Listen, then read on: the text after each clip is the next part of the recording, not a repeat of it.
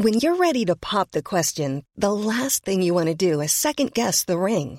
At Bluenile.com, you can design a one of a kind ring with the ease and convenience of shopping online. Choose your diamond and setting. When you find the one, you'll get it delivered right to your door. Go to Bluenile.com and use promo code LISTEN to get $50 off your purchase of $500 or more. That's code LISTEN at Bluenile.com for $50 off your purchase. Bluenile.com code LISTEN. Hey, it's Ryan Reynolds, and I'm here with Keith, co star of my upcoming film, If, only in theaters, May 17th. Do you want to tell people the big news?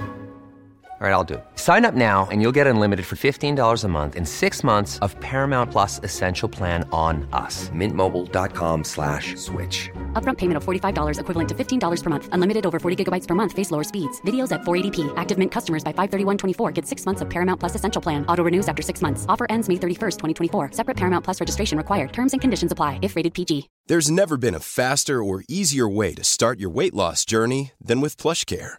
PlushCare accepts most insurance plans and gives you online access to board-certified physicians who can prescribe FDA-approved weight loss medications like Wigovi and Zepbound for those who qualify. Take charge of your health and speak with a board-certified physician about a weight loss plan that's right for you. Get started today at plushcare.com slash weight loss. That's plushcare.com slash weight loss. plushcare.com slash weight loss. Varmt välkomna ska ni vara till vår nya podcast Uppdrag 6. Ni kan ha hört oss i vår förra podcast Alla våra ligg som vi tog över efter föregående programledare som grundade podden.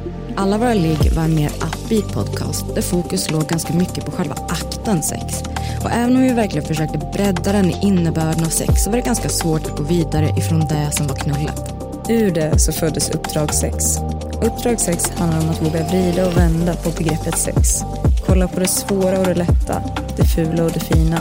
Vi kommer att göra case av smala ingångar till sex och ställa oss själva samt andra de frågor som vi sällan ställer kring människans sexuella beteenden. I de bästa världar så får vi svar. Men förhoppningsvis kommer vi kunna skrapa lite på ytan av anledningarna till varför vi människor är som vi är när det kommer till sex. Vad är biologiskt betingat och vad är en social konstruktion? Vi har valt att kalla genren true sex och vårt uppdrag kommer att bli att ta reda på allt du velat veta och allt du inte visste att du ville veta om sex. Kanske till och med saker som du inte velat veta om sex. Därför vill vi redan nu varna för känsligt innehåll i samtliga avsnitt. Du lyssnar på True Sex-podcasten Uppdrag 6 med mig, Matilda Karlsson. Och med mig, Alexandra Reismar. I det här första avsnittet av Uppdrag 6 vill vi ge ett stort tack till Östgöta Tak som är med och sponsrar och gör den här podcasten möjlig. Med många års erfarenhet inom tätskiktsarbete i ryggen så är Östgötatak det självklara valet när ni behöver hjälp med ert papptak eller annat tätskiktsarbete. Och som husägare så är det inte alltid lätt att veta när sitt tak behöver fixas och även om man ser tecken på det så känner man sig inte alltid trygg med vilken firma som helst. Med sin långa erfarenhet vill Östgöta Tak få dig som kund och känna dig trygg i att jobbet blir gjort på rätt sätt, så du slipper oroa dig för dyra fuktskador framöver. Och i de här tiderna så kan det vara väldigt, väldigt skönt att veta att det faktiskt finns takföretag som inte tar dyra överpriser, utan får jobbet gjort snabbt och noga och vill att du som kund ska bli så nöjd som möjligt. Östgöta Tak det självklara valet för dig i Östergötland och med omnejd.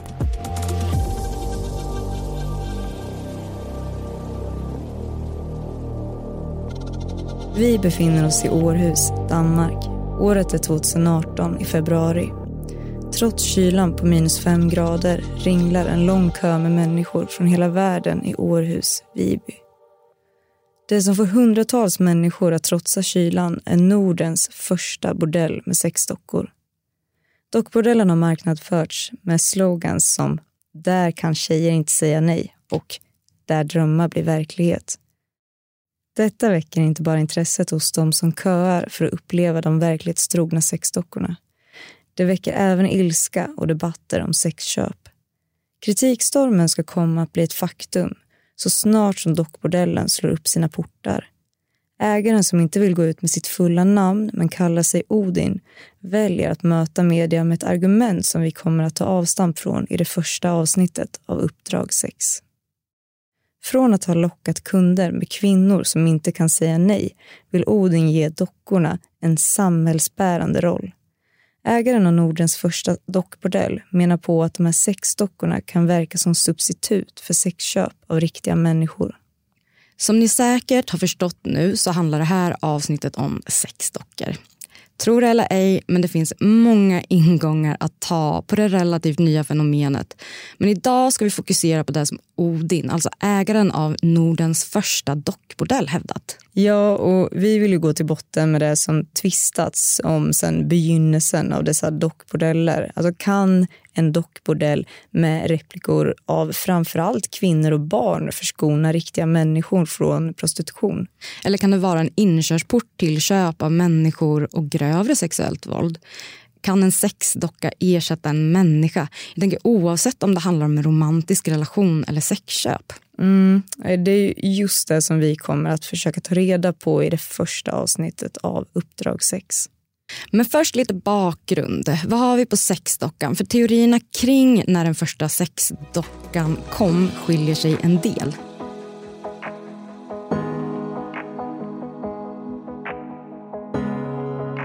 År 2005 dök en numera vanligt förekommande historia upp för första gången i ansedda tidningar som tyska Der Spiegel och italienska Corriere della Sera.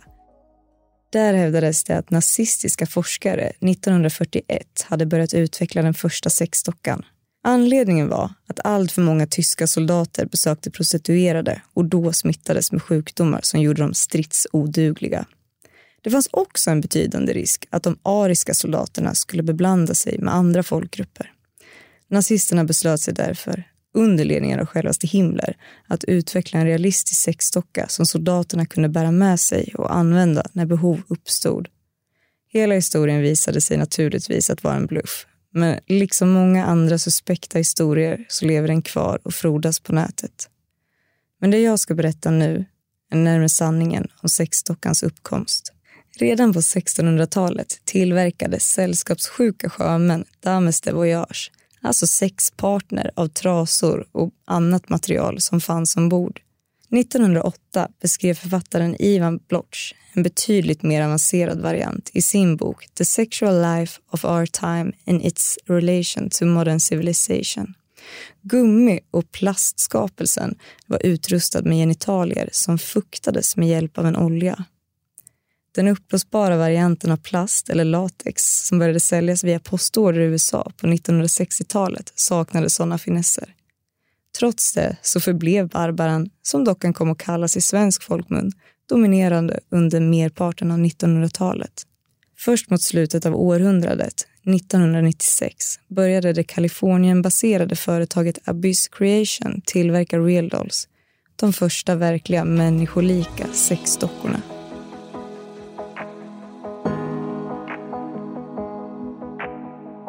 Så vilken lättnad att nazistteorin inte stämmer. Men visst är det så intressant att det är männen som ska skyddas från könssjukdomar och eventuellt råka producera mixade barn. Ja, och trots fastställandet av att det här faktiskt är en fabricerad idé så lever ju den här skrönan kvar. Rent spontant så känner jag att vi ger nazisterna för mycket cred för deras uppfinningar. Och det kanske inte är så konstigt när stora artister som Kanye West sitter midpodd och hävdar att Hitler var den som uppfann mikrofonen. ja, men alltså, nu, nu tycker jag att vi lämnar nassarna och låt oss snälla inte komma tillbaka. Eh, för sexdockorna, eller det som var grunden till det som vi känner till idag som real dolls, alltså, de var ju ihopknåpade dockor av bylte som sjömännen hittade ombord.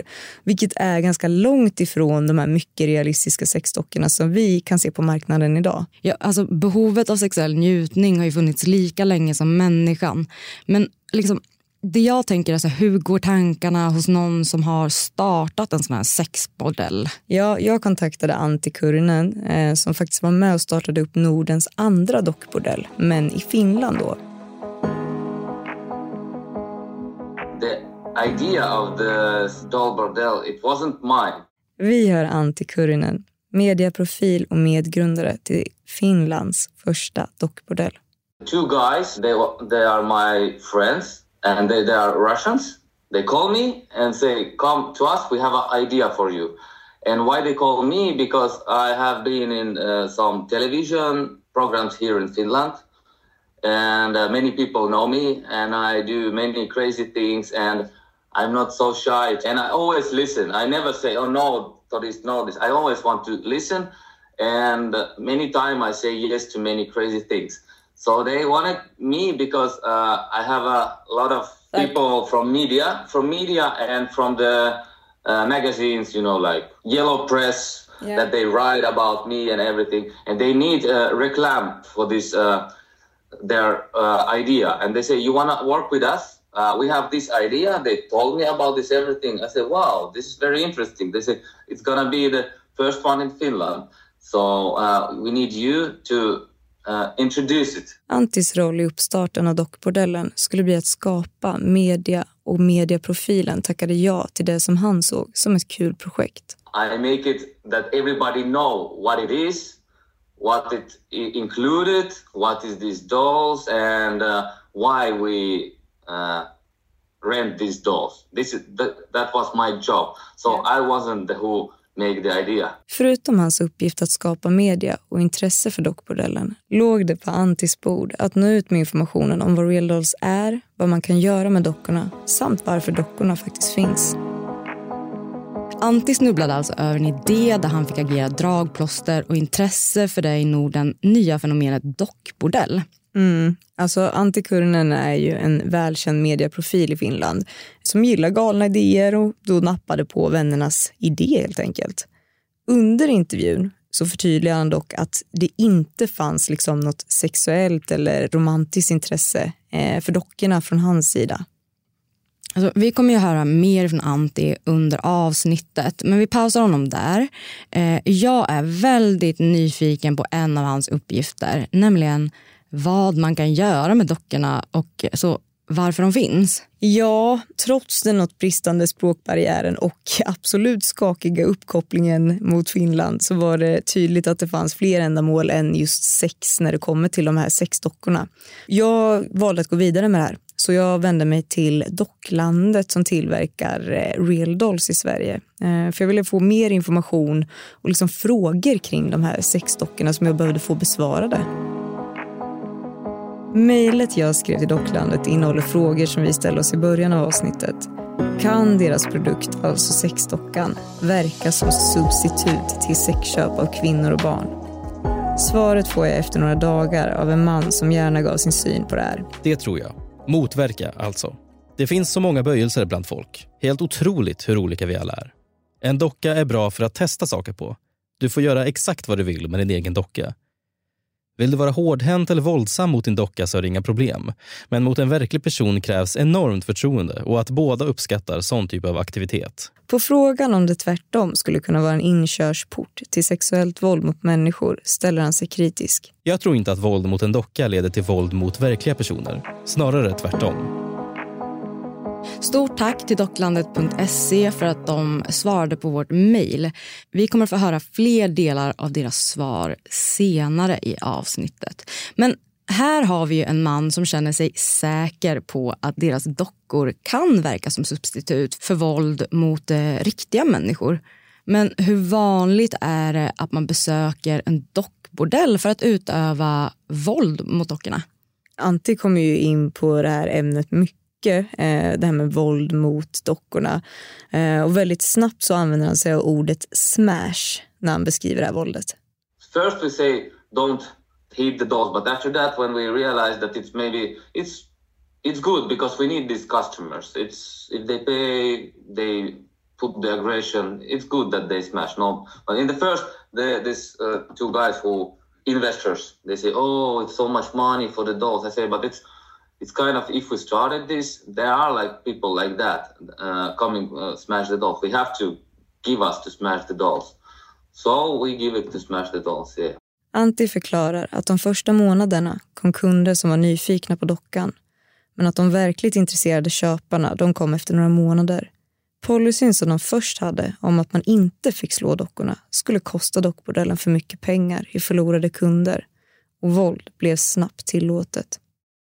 Vi pausar här en liten stund. Det Antti säger här är att efterfrågan om att få utöva fysisk våld mot sexdockorna var så stor att de helt enkelt inte kunde tacka nej till kunder eller deras pengar.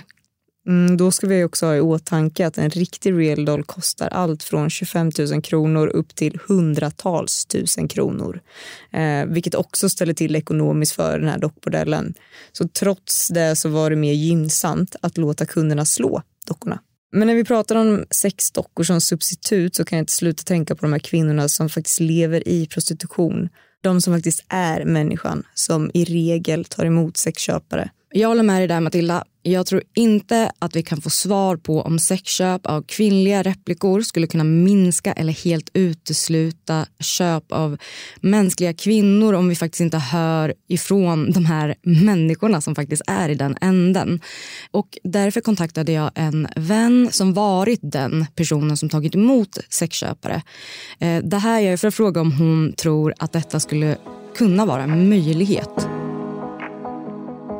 Alltså jag, jag har väldigt svårt att köpa den analogin. Jag har, eh, det är ju samma som man använt mot personer i prostitution tidigare. Att personer i prostitution skulle vara något substitut för män som annars skulle gå och våldta personer ute i det riktiga samhället så att säga. Det vet vi att det inte stämmer. Vi hör Merli Åsbogård, statsvetare, föreläsare och prostitutionsöverlevare.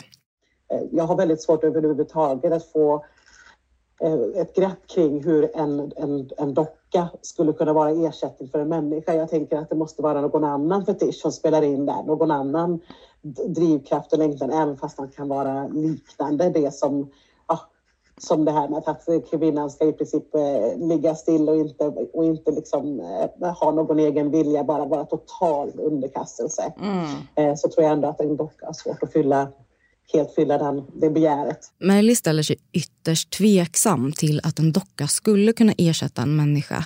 Hur ser vi på prostituerade? Har vi blivit så avtrubbade att vi inte ser på dessa kvinnor som riktiga människor? Och kan dockorna bidra till att kvinnor överlag avhumaniseras?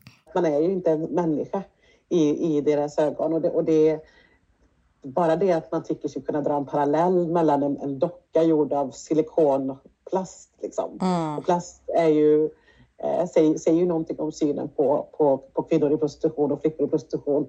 Eh, det som också blir väldigt, väldigt eh, cringeigt gång på gång det är att eh, om vi bort, tittar bortanför prostituerade, om man bara tittar på hela industrin med de här sexdockorna, mm. att det finns en sån tydlig eh, jag skulle säga vanföreställning, för dem är det här ju sanningen att man kan ersätta en kvinna med, med en docka av plast. Mm. Men så vet vi hur, hur, hur samhället brukar reagera när man säger att ja, men jag klarar mig, jag har min dildo. Mm. Jag kan aldrig ersätta en man. Nej, men en plastdocka med ett hål i kan ersätta en kvinna. Mm. Eh, och, och, och, det, så att, nej, jag, det är ju ytterligare, tycker jag, anser jag, ett, en steg i liksom deharmoniseringen mm. av, av kvinnor i prostitution eh, och, och, kvinnor generellt. Merle är tydlig i sin övertygelse om att dockbordeller inte skulle kunna fasa ut sexköp av riktiga människor. Men hur ställer hon sig till att sexköp av dockor föreställande kvinnor skulle kunna vara en inkörsport till köp och sexuellt våld av kvinnor? Jag tycker att vi lyssnar på fortsättningen av intervjun. Den kommer här. Everything in society is about sex. Except for sex. It's about power. Och jag har väldigt svårt att, att, tro att de kan få, om man inte som sagt har en väldigt, väldigt fascination och väldigt, väldigt njutning av, av just latex eller nu de här dockorna är byggda mm. att det skulle kunna erkänna. För att du får fortfarande inte det, det maktförhållandet som jag upplever av min erfarenhet av prostitution är mycket av det dragplåstret mm. Eh, för män som, sök, som sökte mina eh, mina tjänster då, om man skulle säga. Mm. Det handlar ju om att du får spela liksom roller av makt många gånger. Mm. Att jag skulle vara underkastad och de skulle liksom vara eh, superior till mig.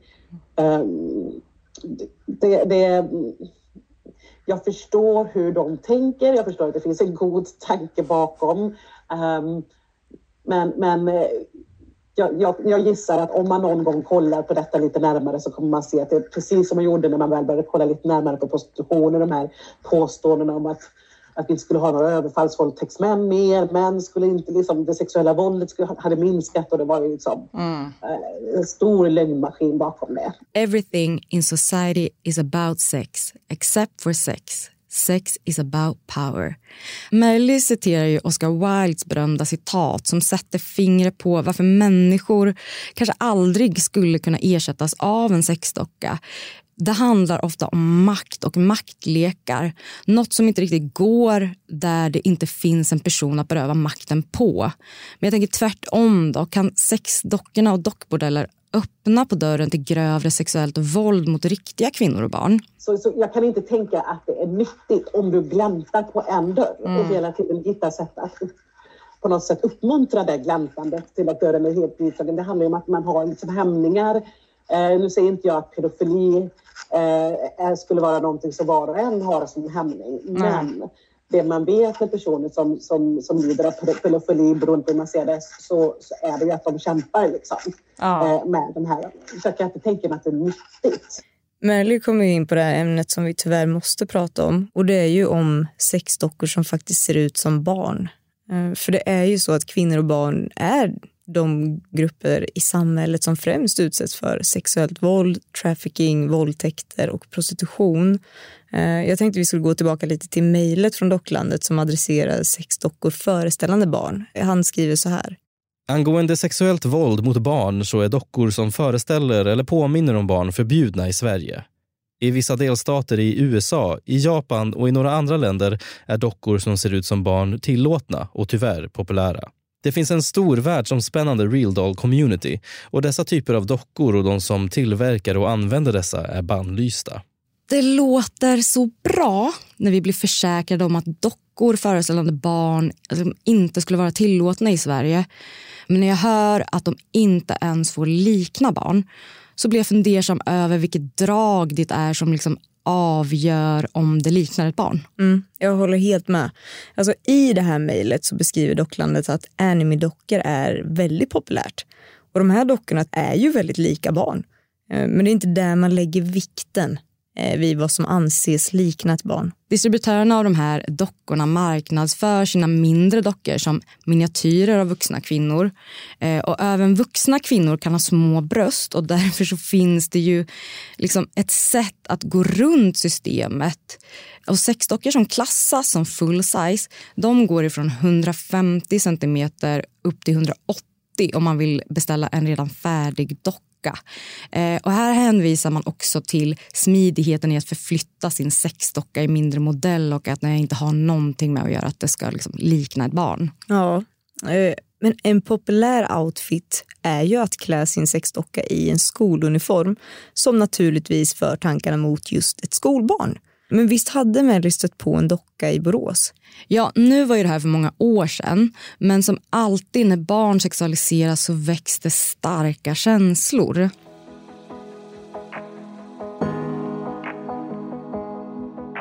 Men det här var alltså en docka som eh, var utformad som ett, eh, som ett mindre barn som man kan tänka sig skulle kunna, kunna representera någon som skulle kunna se ut som tre, fyra, fem år. Mm. Eh, flicka, blont hår, blå ögon eh, som då hade eh, hål för anal och vaginal penetrering. Mm. Eh, och, och det här väckte ju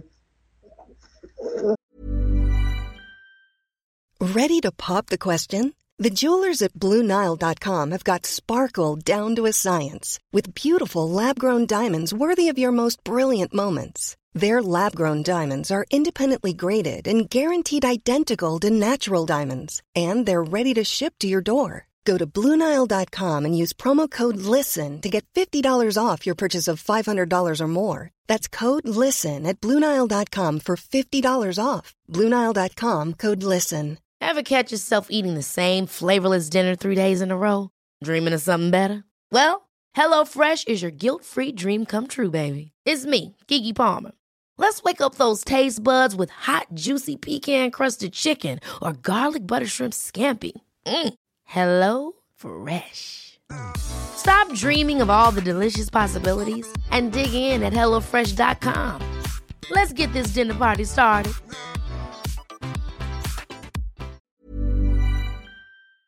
Alltså det, alla larmsignaler, absolut, men också frågan om eh, är det okej okay att göra det på en docka? Och man vet mm. faktiskt inte om, man, om de skulle ge sig på ett barn i verkliga livet. Och, och, och sådär. Men den dockan plockades bort mm. från den här Eero butik, erotikbutiken och eh, mm, jag vet att det var, jag vill minnas i alla fall att det var en, en bredare diskussion kring eh, var vi ska dra gränsen. Mm.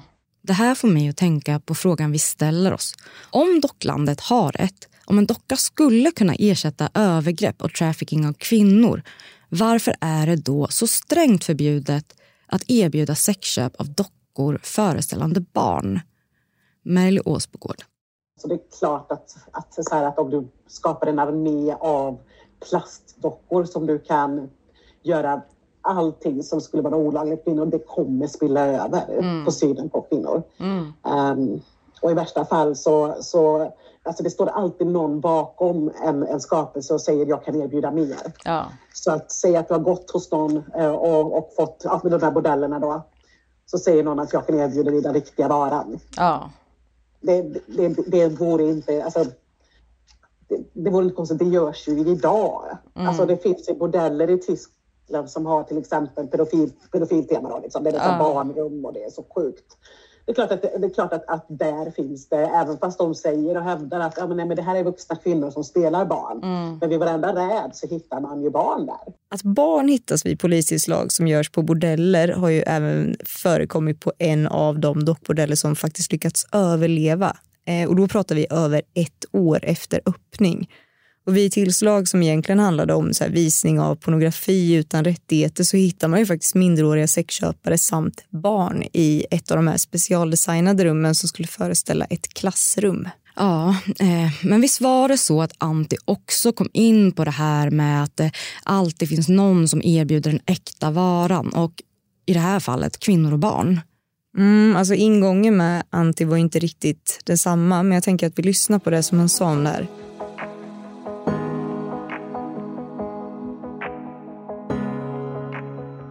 Parallellen mellan sexköp av dockor och köp av riktiga människor inom prostitution dras först när vi kommer in på den ekonomiska aspekten. Uh, it was first uh, like we put I remember it's like 90 or 100 euros for the one hour. Yeah. It was too much, too much, uh, and people uh, and half hour was something like 60, and it's too much. Uh, first time they just come just be curious people who has money But after that, the uh, clients uh, come very down. You know, we don't have so much. So we start thinking maybe because when we look at the page, and you can have a real woman for the 100, 150 euro. So the, for the dolls, it's too much now. We, if we have same price like for a normal woman, so we put it to the 50 euro one hour, and after that, and half hour was 40 euro. När jag frågar Antti om priset svarar han att en timme ihop med en sexdocka i början kostade 90-100 euro, vilket i svenska kronor blir 1028 respektive 1142 svenska kronor. Antti menar på att det gick an i början när folk var nyfikna på dockorna och var därav ren nyfikenhet. När nyhetens behag var över började de som Antti refererar till som riktiga kunder, de som var där för att ha sex med eller slå dockorna, klaga på priset. Entreprenören i honom förstår att med så höga priser kommer eventuella kunder att vända sig till prostituerade som enligt honom går att få tag på för ungefär samma summa. Detta tvingade den relativt nyöppnade dockbordellen att anpassa sina priser efter marknaden. Priset sänktes då till 50 euro för en timme, 571 svenska kronor. Bordellen införde även pris per halvtimme. Detta kostade 40 euro, 457 svenska kronor. För transparens är prisinformationen som vi lyckas leta upp något högre men skrämmande lite för en mänsklig kropp.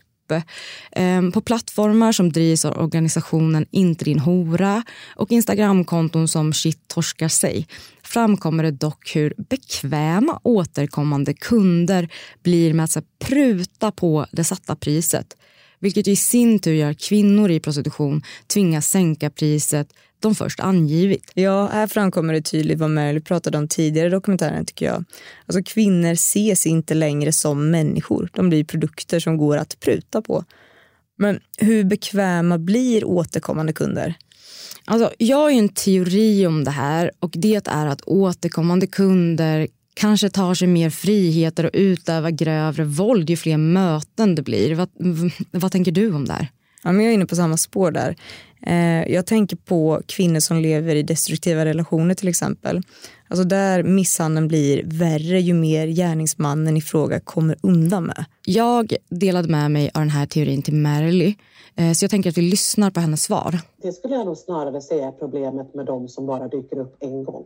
Det visar sig att våra teorier inte stämmer. Sexköpare med grova våldsutövningar tenderar att hoppa mellan kvinnor i prostitution på olika platser för att försäkra sig om att komma undan med sitt våld. Vi kommer att fortsätta lyssna på Merlis berättelse och här vill jag varna för sexuella våldsskildringar av barn. Bland det våldsammaste som jag har upplevt inom prostitutionen är också när man har varit som svagast, mm. när man var ett barn i prostitutionen, 14 år gammal. Uh, och hur kunder uh, för det finns ju den här att ah, men det, de vet inte hur ung man är, nej, men de försäkrade sig om att man var så pass ung. Mm. Att de fick det de hade beställt eh, någonstans. Och att det våldet var många gånger mycket grövre. Det var mycket hårdare slag, det var mycket det var, jag minns mer känslan av att inte veta om jag skulle komma hem efter mm. de mötena. Eh, och när man tittade senare då när jag blev över 20 där um, och, och började närma sig 30 Eh, så var det framför allt de kunderna som de, de, de hade liksom ett smörgåsbord mm. med internet. Här blir det ju jättetydligt att barn som säljs är de som utsätts för mest våld. Ja, jag tror att vi behöver ta ett steg tillbaka och kolla på hur normaliserat våld har blivit i relation till sex. Alltså, vad är det som gör att dockor marknadsför som en ouppnåelig dröm och den perfekta kvinnan? Jag vill trycka lite på det här alltså smörgåsbordet som Ellie pratar om. I mejlet som vi fick av Docklandet så tycker jag att det blir tydligt att man marknadsför sig med argument som att det kan vara bra om man liksom skulle bli sugen på att vara otrogen. Jag frågade Docklandet om specialbeställningar och hur långt man kan liksom tillgodose sina kunders önskemål. Och det här fick jag till svar. Det går bra att skräddarsy en docka efter önskemål. De dockor vi har hemma i vårt egna lager kan vi i de flesta fall byta peruk och ögon på. Vi kan även inkludera tillbehör som till exempel en Gmail-dildo som kan omvandla din docka till en transsexuell. Vi skickar även många specialanpassade dockor direkt från tillverkare. De anpassningar som görs då är oftast byte av huvud, ändring av hudfärg, storlek på bröstvårtor eller de olika uppgraderingar som finns. Till exempel har vi olika robotskelett, vagina med sugfunktion, värmefunktion, röstfunktioner och mycket annat. Vi kan även gjuta ett helt nytt ansikte eller huvud och en kropp efter önskemål. Då krävs antingen egna 3D-modelleringar eller en mängd med foton av den man önskar göra en docka av. Detta är dock väldigt dyrt och vi har ännu endast levererat några få sådana specialbeställningar. I dessa fall har endast ansikte specialtillverkats och en lämplig kropp har valts. Det finns så många kroppar att välja bland, så det brukar inte vara svårt att hitta en passande.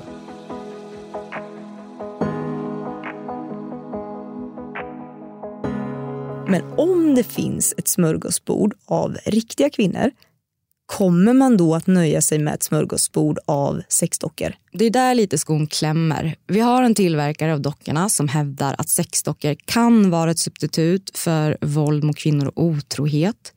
En kvinna som har upplevt de här våldsamma männen där makt är den största faktorn till sexköp. Antti, en medgrundare till en sexbordell kan också tänka sig att en del män skulle hålla sig från att misshandla, våldta eller köpa sex av människor om de fick avreagera sig på de här sexdockorna. Men jag blir nyfiken på vad Antti hade att säga om att en dockbordell skulle kunna bli inkörsporten till våld mot riktiga människor. Vi lyssnar på det på en gång. Some of the psychologists, they're taking the interview from uh, one uh, psychologist who is in the prisons and he say it could be just another way that the the people who come smash the dolls they have interested in that and after that when they smash the doll they really go smash the real woman. Antis förhoppningar är att sexdockor skulle kunna rädda några människor från att utsättas för våld. Men han tror även på teorin om att våldsamt sex med sexdockorna kan leda till grövre våld mot riktiga människor. Något en psykolog med erfarenhet av sexualbrottslingar styrker. Men för att få en konkret bild av hur sex med en real doll kan se ut gör vi en undersökning på tre olika streamingtjänster för pornografi. När vi sorterade de här klippen efter mest visade så fick vi en överraskning vi inte hade förväntat oss. Vi har grottat ner oss i om den mycket realistiska sexdockan kan bespara kvinnor och barn från sexuellt våld. Men de mest sedda klippen är riktiga människor som här tar dockans plats. Klipp på hur livlösa kvinnor plockas upp ur resväskor, sofförvaring och andra trånga utrymmen för att sedan justeras, ta emot sex, slag, förnedrande inslag utan att röra en min visas framför oss. Den mest eftertraktade real doll-porren är den där kvinnan blir substitut för en livlös sexdocka. Ja, och här börjar det första dokumentäravsnittet av Uppdrag 6 lida mot sitt slut. Ehm, jag börjar få en klar bild av hur det ligger till men för att backa upp vår slutsats så behöver vi också luta oss mot fakta. Sexdockbordeller presenterades först i Norden 2018. Samtliga fick snabbt läggas ner på grund av få kunder, för dyra reparationer av sönderslagna dockor och tveksamma sidoaffärer. Men inget pekar på att sexköp, våldtäkter eller sexuellt våld mot barn och kvinnor minskat under sexdockans existens och inte ens då priserna sänkts väsentligt både på bordeller och för privat bruk. Nej, snarare tvärtom. Statistiken över sexuellt våld har ökat markant och inte bara här i Sverige utan även i våra grannländer. Men vi behöver också ha i åtanke att samtyckeslagen implementerats sedan dess vilket innebär att fler sexuella övergrepp går att fälla där medgivande inte givits. Det här pekar inte på att övergreppen i statistiken inte är giltiga utan snarare att den nya lagen om samtycke gett kvinnor större chans att få sina gärningsmän fällda. Så det vi har kommit fram till är att sexdockor inte kan ersätta sexhandel av riktiga människor. Om sexdockan kan vara en inkörsport till grövre våld kan vi fortfarande bara spekulera i. Men sexdockorna har lett till att kvinnor i sin tur skådespelar dockorna på porrsajter.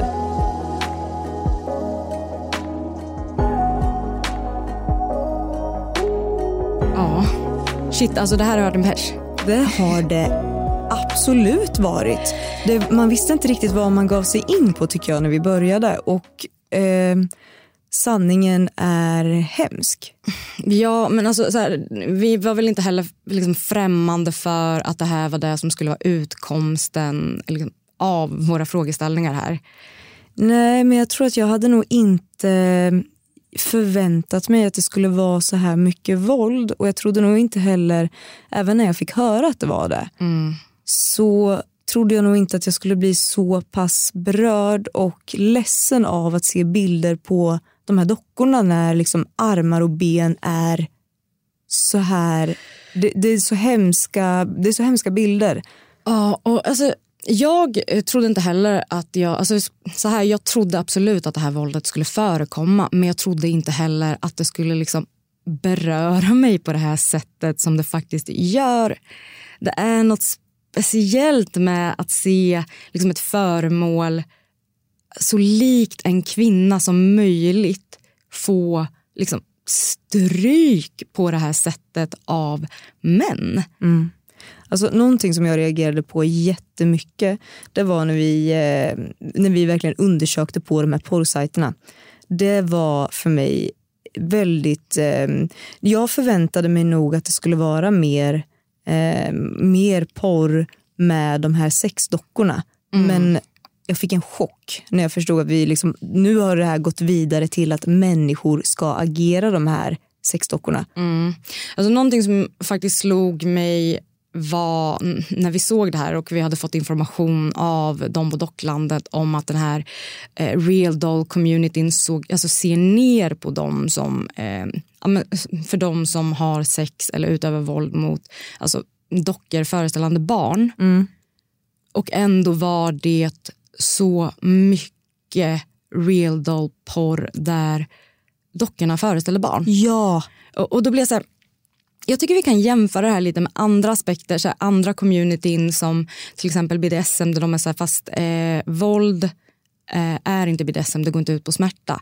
Nej, inte enligt er ideologi, men det är så vedertaget så vi behöver behöver faktiskt prata om det för att uppenbarligen även om de inte är välkomna i det här vad ska man creddiga real doll communityt så har de ju ändå ett eget community. Mm. Ja, så är det verkligen och jag tycker att det är eh, det här är som du säger, det är ju jättekänsliga, det är ju ett jättekänsligt ämne. Mm. Eh, men jag tycker ändå att det är så himla viktigt att vi faktiskt vågar gräva i det här. Ja, alltså, ja det är ju, nu, nu har vi börjat och eh, vi kommer att liksom, alltså vi kommer blanda lite i så här, skittungt, lite mer lättsamt. Eh, men jag kan inte lova att det kommer bli så superlättsamt framöver heller. nej, nej, alltså det kommer ju bli en, en blandning men eh, vi, vi är ju på ett mission nu. Vi Ja. ska ju grotta ner oss i det här. Mm, det ska vi verkligen göra. Ja, det här är ju ett helt nytt eh, format för oss. Eh, och eh, jag tror inte att vi var beredda på alltså, mängden arbete som det har krävt. Nej, alltså jag tycker det sjuka är att man har gått in i någon sorts forskarroll. Ja. Jag har aldrig kollat så här mycket statistik och du vet jag har aldrig fastnat i någonting så här mycket. Att jag bara sitter och tänker på det konstant. Mm. Men det gör, alltså, ja, jag vet inte. Så här, vi gör ju egentligen den här eh, podcast-dokumentären som vi också valt att kalla för eh, True Sex. Det är ju en genre som egentligen inte finns, men vi gör det ju för att vi är hoppfulla om att på något sätt ja, men, så här, hitta, hitta någon gemensam nämnare för hur vi ska förhålla oss kring sex och sexualitet och hur vi ska alltså så här, hur, hur navigerar vi våra unga och våra barn och, oss själva i det här alltså, i det här sexifierade samhället. Ehm, så vi är hoppfulla. Ja, det kan vi säga. Vi är hoppfulla. Stort tack för att ni har varit med och eh, lyssnat på det första avsnittet av eh, Uppdrag 6. Vi hoppas att ni vill följa med oss på vår fortsatta utredning av True Sex.